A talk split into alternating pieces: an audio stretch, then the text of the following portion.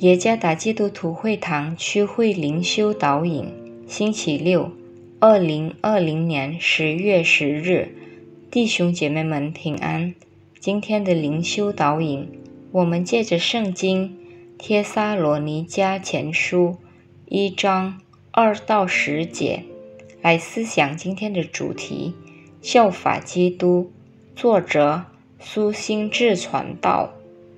帖撒罗尼迦前书一章二到十节，第二节，我们为你们众人常常感谢神，祷告的时候提到你们。第三节，在神我们的父面前，不住的纪念你们因信心所做的功夫，因爱心所受的劳苦，因盼望我们主耶稣基督所存的忍耐。第四节。被神所爱的弟兄啊，我知道你们是蒙拣选的。第五节，因为我们的福音传到你们那里，不独在乎言语，也在乎全能和圣灵，并充足的信心。正如你们知道我们在你们那里为你们的缘故是怎样伟人。第六节，并且你们在大难之中蒙了圣灵所赐的喜乐，领受真道。就效法我们，也效法了主。第七节，甚至你们做了马其顿和亚该亚所有信主之人的榜样。第八节，因为主的道从你们那里已经传扬出来，你们向神的信心不但在马其顿和亚该亚，就是在各处也都传开了，所以不用我们说什么话。第九节。因为他们自己已经报名，我们是怎样进到你们那里，你们是怎样离弃偶像归向神，要服侍那又正又火的神。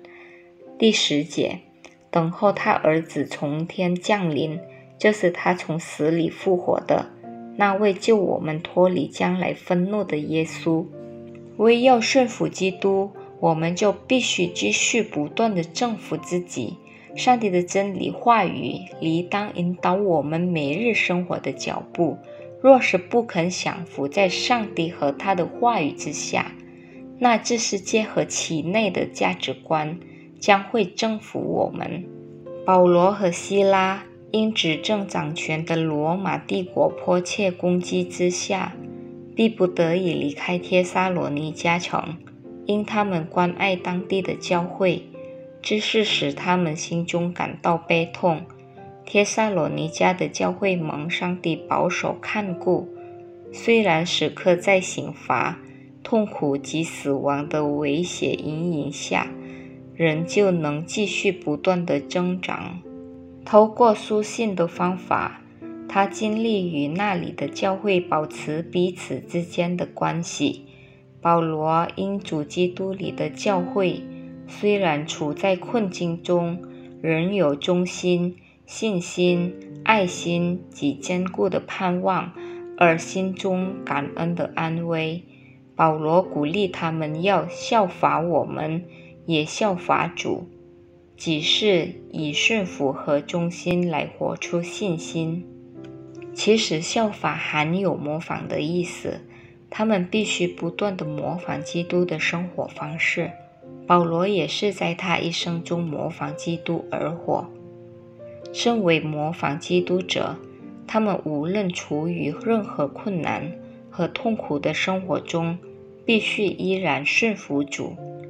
在这世上，基督也如此的顺服了父上帝，虽然为要担负世人罪的刑罚而受尽痛苦。在这世代蒙召借着效法基督来活出信心的我们，也应该如此。这一周内，透过讲道和灵修导引，我们已经学习了许多关于顺服上帝的事。我们是否以喜乐的心来领受上帝的真理话语，及在日常生活中顺服的实行出来呢？是否在每件事的抉择上我们都顺服上帝。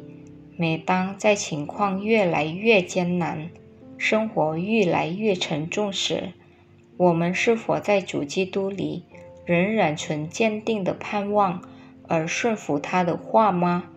祈求圣灵帮助弟兄姐妹们在行道的事上更加长进。一个顺服主的人生活中喜欢以基督为模范上帝赐福。